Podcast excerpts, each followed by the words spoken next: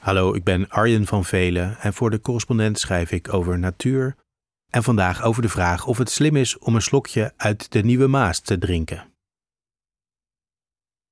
Vanochtend heb ik uit de rivier gedronken, bij het strandje in de bocht van de Nieuwe Maas, aan de voet van de Van Brienenoordbrug, niet ver van het waterzuiveringsbedrijf.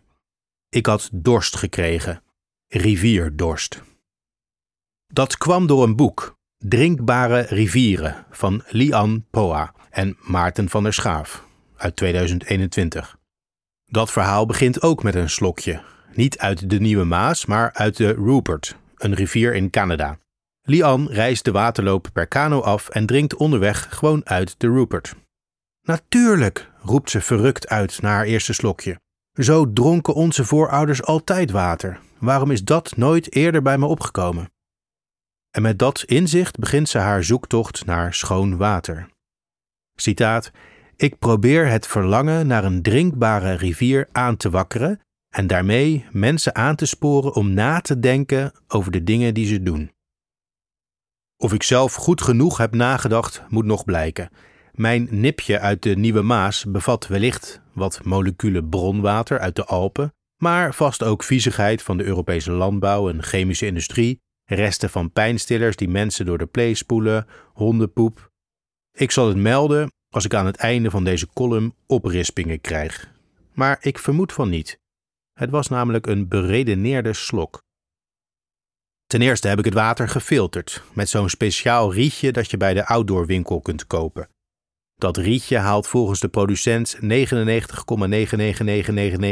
van de bacteriën uit het water en zelfs 100% van alle microplastics. Oké, het filtert niet de zware metalen zoals kwik en cadmium en ook niet de PFAS. Maar de belangrijkste reden dat ik een slok durfde te nemen is dat ondanks de aanwezigheid van die PFAS het rivierwater tegenwoordig veel schoner is dan in de jaren 80, toen ik aan een zijtak van de Nieuwe Maas opgroeide.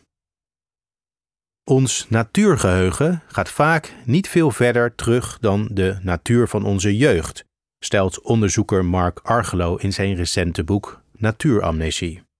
Zoals hij zei in een interview met Trouw, de vergeetachtigheid als het om natuur gaat zorgt ervoor dat we het juiste perspectief verliezen. Zo zijn veel mensen vergeten dat de Noordzee eens het thuis was voor grijze walvissen. Of dat er honderd jaar geleden vermoedelijk minder weidevogels in Nederland waren dan in de jaren zeventig. Vermoedelijk, want we zijn pas een halve eeuw geleden echt goed gaan tellen. Zijn boek staat nog op mijn leeslijst, maar natuuramnesie, natuurvergeetachtigheid, is alvast een prachtig woord en ook een inspirerend concept. Want als je weet wat is verdwenen, weet je ook wat er in theorie terug kan keren. In de middeleeuwen vlogen er hier pelikanen rond, hoorde ik van Rick van der Linden, een bevlogen filmmaker die werkt aan een documentaire over de natuur in de Rijn-Maasmonding. Het ging om de kroeskoppelikaan met een spanwijdte van tot wel 3,5 meter, een vliegende surfplank. Een verschijning als een pterosaurier, zo'n vliegende dino. Alleen nog niet uitgestorven, want je kunt hem in Diergaarde Blijdorp nog zien, gekortwiekt weliswaar. En dat stemt me vrolijk, wie weet komt het dier nog eens terug, net als de visarend of de wolf. En voor de kroeskoppelikaan lijkt het inderdaad een kwestie van tijd dat hij in het wild te spotten is. Zo blijkt uit een studie van natuurorganisatie ARC Rewilding Nederland. In de Biesbos of het Haringvliet zou de pelikaan bijvoorbeeld prima kunnen leven. Langs het Rotterdamse strandje waar ik vanochtend een slok nam, zwommen ooit zalmen bij miljoenen. In de 19e eeuw was er een visafslag naast waar nu de Van Brienenoordbrug ligt. Alleen al in het jaar 1885 werden daar 104.000 zalmen aangevoerd.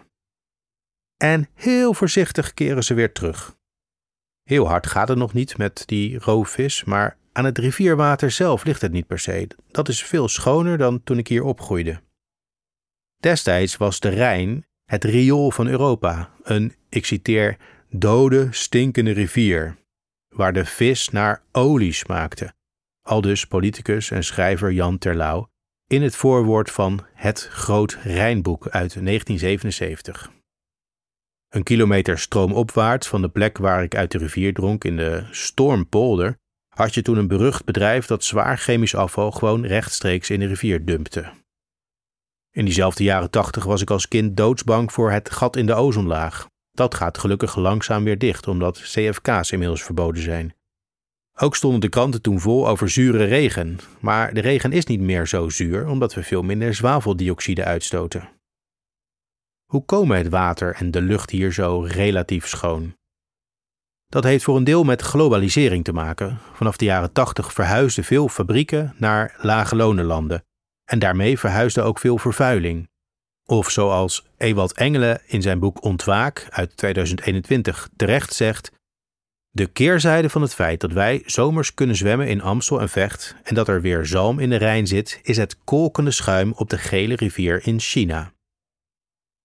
Maar het komt ook door tamelijk saai beleid uit Brussel en door enkele kordate politici, zoals nota bene Nelly Kroes, misschien wel de laatste die ik met milieuvriendelijkheid had geassocieerd. We schrijven 1986. In een chemische fabriek in Basel breekt brand uit. Een gifgolf stroomt door de Rijn en doodt honderdduizenden vissen. De Rijn kleurde rood van het gif, berichtte de BBC. In de decennia ervoor waren er vergeefse pogingen geweest om strenge milieuafspraken te maken met de landen langs de Rijn. Elke crisis is een kans, denkt minister Nelly Kroes, Verkeer en Waterstaat. Ze roept de ministers van de Rijnlanden bijeen en initieert het Rijnactieprogramma. Doel: het halveren van de lozingen van 34 gifstoffen. Een jaar na de ramp ligt er een schoonmaakakkoord. De krant Het Vrije Volk schrijft dan: Het resultaat van het Nederlandse Rijnactieplan moet zijn dat rond het jaar 2000 weer zalm in de Rijn zwemt. Tegelijkertijd moet de Rijn als bron voor drinkwater beter worden beschermd. En in datzelfde artikel jubelt minister Kroes: Is het niet fantastisch dat we dit erdoor hebben gekregen? En inmiddels kun je zeggen: best fantastisch. De meeste van die doelen van het Rijnactieprogramma waren in 1994 al gerealiseerd, lees ik in een terugblik van Henk Donkers van de Radbouw Universiteit. Het Rijnactieplan, citaat, wordt gezien als misschien wel het succesvolste programma voor het ecologisch herstel van een grote internationale rivier.